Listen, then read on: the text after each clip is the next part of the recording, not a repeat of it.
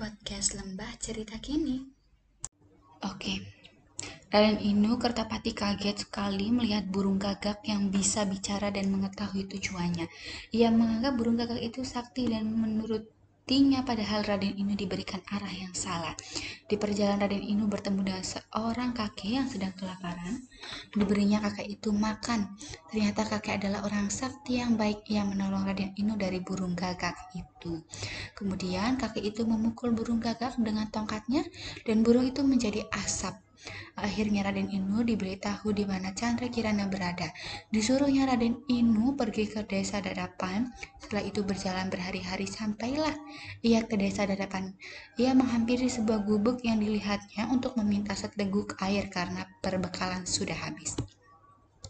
Di gubuk itu, ia sangat terkejut karena dari balik jendela ia melihat Chandra Kirana sedang memasak. Dan kemudian kelanjutannya akan kita lanjutkan di next episode. So, see you. Bye!